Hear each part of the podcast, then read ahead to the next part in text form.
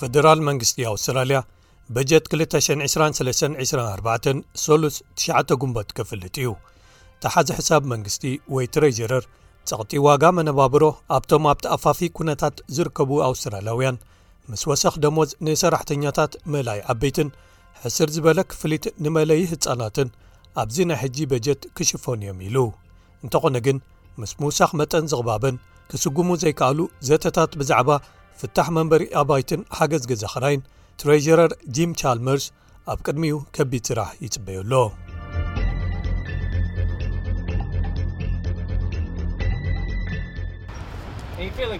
ብዛዕባ እዚ ጽቡቕ ይስማዓካ ኣሎ ድ ጂም oh, ደሓን ሰሉስ ሕተቱኒ በጀት ዝቐርበሉ ምሸት ኣብ ዝተቓረበሉ ማለት ሰሉስ ትሽዓተ ግንቦት ጸቕጥታት ክብሪ መነባብሮ ኣብ ኣእምሮ ብዙሓት ኣውስትራልያውያን ምህላዎም ይቕጽሉ ኣለዉ ተሓዚ ሕሳብ መንግስቲ ጂም ቻልመርስ ዝመጽእ ሰሙን ከቢድ ስራሕ ይጽበዩ ኣሎ ዝቕባበ ክሳብቲ ዝድለ ንታሕቲ ክወርድ ዘይምዃኑ ዘመላኽት ማእከላይ ባንክ ኣውስትራልያ ወይ ሪዘርቭ ባንክ መጠን ዘዋሪ ጥረ ገንዘብ ደጊሙ ብ0ነጥ 25 ካብ ሚቲ ምስ ምውሳኹ ማለት እዩ ዶክተር ቻልመርስ በጀት 20224 ዝመጽእ ሰሉስ ምሸት ትሽዓተ ጉንቦት ከባቢ ሰዓት ሸተ ፈረቓን ክቐርብ እዩ ስለዚ ኣብቲ ምሸት እንታይ እንታይእዮም ክካተቱ ኢልና ክንጽበ ንኽእል ፈደራል መንግስቲ ድሮ ኣብ ጽላት ምእላይ ኣረጋውያን ንዝሰርሑ ወሰኽ ደሞዝ ከም ዝግበረሎም፣ ንገለ ኣውስትራልያውያን ስድራቤታት ከኣ ሕስር ዝበለ ክፍሊት መእለዪ ህጻናት ክረኽቡን ሓገዝ ወይ መቃለሊ ኣብ ክብሪ መነባብሮ ነቶም ኣዝዮም ተኣፈፍቲ ኣውስትራልያውያን ከም ዝህሉን ኣተንቢሁ ኣሎ። ዶክተር ቻልመርስ፣ እቲ በጀት ዝቕባበ ከየጋደደ ነቶም ጸቕጥታት ክብሪ መነባብሮ ኣብ ምጥቃዕ ከተኩር እዩ ይብል።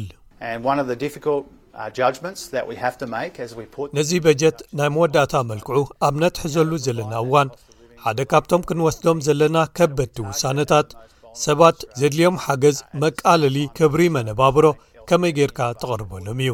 ኣብቲ ካልእ ክፋላት እቲ ባጀት ተኣቅቦ ናራና ነቶም ኣዝዮም ተነቀፍቲ ኣውስትራልያውያን ጥራይ ነዚ በጀት ከም ዝዕልም ወይ ከም ዘተኩር ንገብሮ።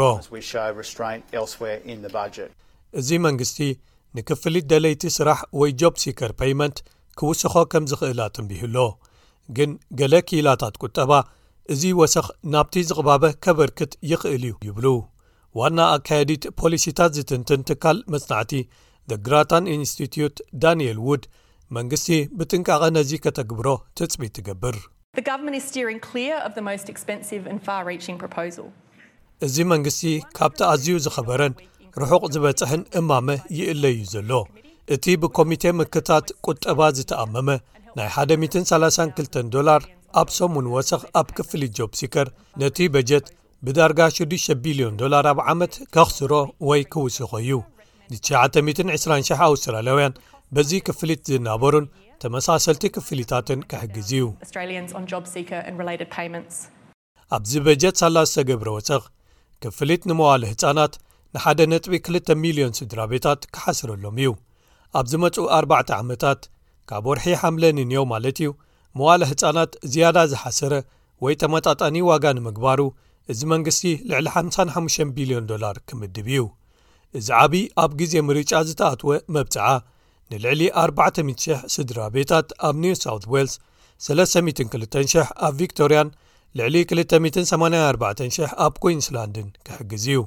እንተኾነ ግን ኣፈኛ ፋይናንስ ተቓዋሚ ሰልፊ ጀይን ሂዩም መንግስቲ ልዑል ዝቕባበ ንምግታእ ወጻኢታት ኣብ ምንካይ ክነጥፍ ከድልዮ እዩ ትብል። ንሕና ኣብዚ በጀት ዝውሰዱ ውሳነታት፣ ዝግበሩ ኣዋጃት ፖሊሲን ናብቲ ዝቕባበ ዘጋድድ ሓዊ ነዳዲ ይውስኹሉ ከይህልዉ ንምርግጋጽ ንሓደ ሕማቕ ኩነታት ዝኸፍአ ይገብርዎ ከይህልዉ ሓደ ብሓደ ብደቂቕ ክንምልከቶም ኢና።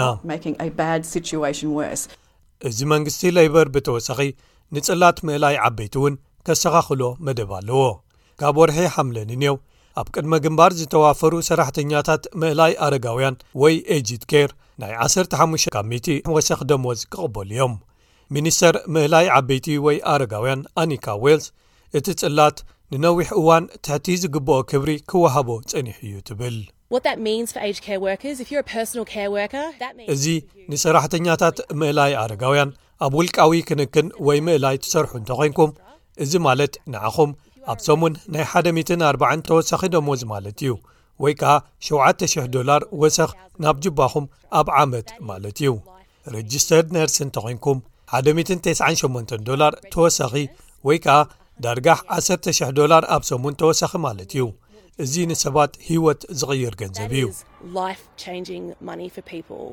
ነዚ ብኮሚሽን ረትዓዊ ስራሕ ወይ ፈይርዎርክ ኮሚሽን ዝሓለፈ ወርሒ ሕዳር ዝተወሰነ ወሰኽ ደሞዝ ንምትግባር ሰልፊ ለይበር 11.3 ቢልዮን ዶላር ኣብ 4ርባዕተ ዓመታት መዲቡ ኣሎ እንተኾነ ግን ምክትል መራሒት ተቓወሚ ሰልፊ ሱዛን ሊ ነዚ ኣይተቐበሉን። እቲ ቀዳማይ ጸገም ዝቕባበ ክሳብ ዘይተመከተ እዞም ስማዊ ለውጥታት ደሞዝ ነቶም ኣብዚ ኣገዳሲ መዳይ ዝሰርሑ ኣውስትራላውያን ናብ ተወሳኺ ዘሐሽሽዎ ገንዘብ ኣይክቕየሩሎምን እዮም። ኣታዊታት ካብ ልዑል ዋጋታት ኣባይቲ ነቲ በጀት ናብ ትርፊ ወይ መኽሰብ ደፊኦሞ ክንሶም ሓደ በዓል ብዙሕ ሚልዮን ዶላር ትካላዊ ወይ መዋቕራዊ ሕጽረት ኣብ ውሽጢ ገና ተሰሪቱ ይርከብ ፈደራል ትረዥረር ጂም ቻልመርስ እቶም ጸቕጥታት ኣብ ልዕሊ እቲ በጀት ልዑላት እዮም ይብል።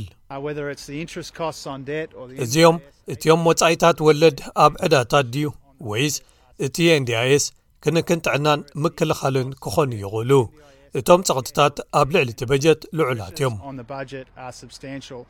ሰልፊ ለይበር ብተወሳኺ ልዕሊ ሰላሳ ሽሕ ተመጣጣኒ ዋጋ ዘለዎም ኣባይቲ ኣብ ትሕቲ ማዕከን ሃውሲንግ ኣውስትራልያ ፊቸር ፋንድ ቃል ዝተኣትወ ማለት እዩ ከቕርብ ኣብ ትሕቲ ጸቕጢ ይርከብ። ተቓዋሚ ሰልፊ ጥምረት ወይ ኮሊሽን ንፖሊሲ ኣባይቲ ሰልፊ ለይበር ዘይብቑዕ ኢሉ ክነቕፎ እንከሎ ነጻ ሰነተር ደቪድ ፖኮክ ከኣ ዝያዳ ዝሰፍሐ ፖሊሲ ክርኢ ብምድላይ ንሰልፊ ለይበር ምስ ሰልፊ ግሪን ባእሲ ከልዕል'ዩ ዝደሊ ክብል ከሲስዎ'ሎ።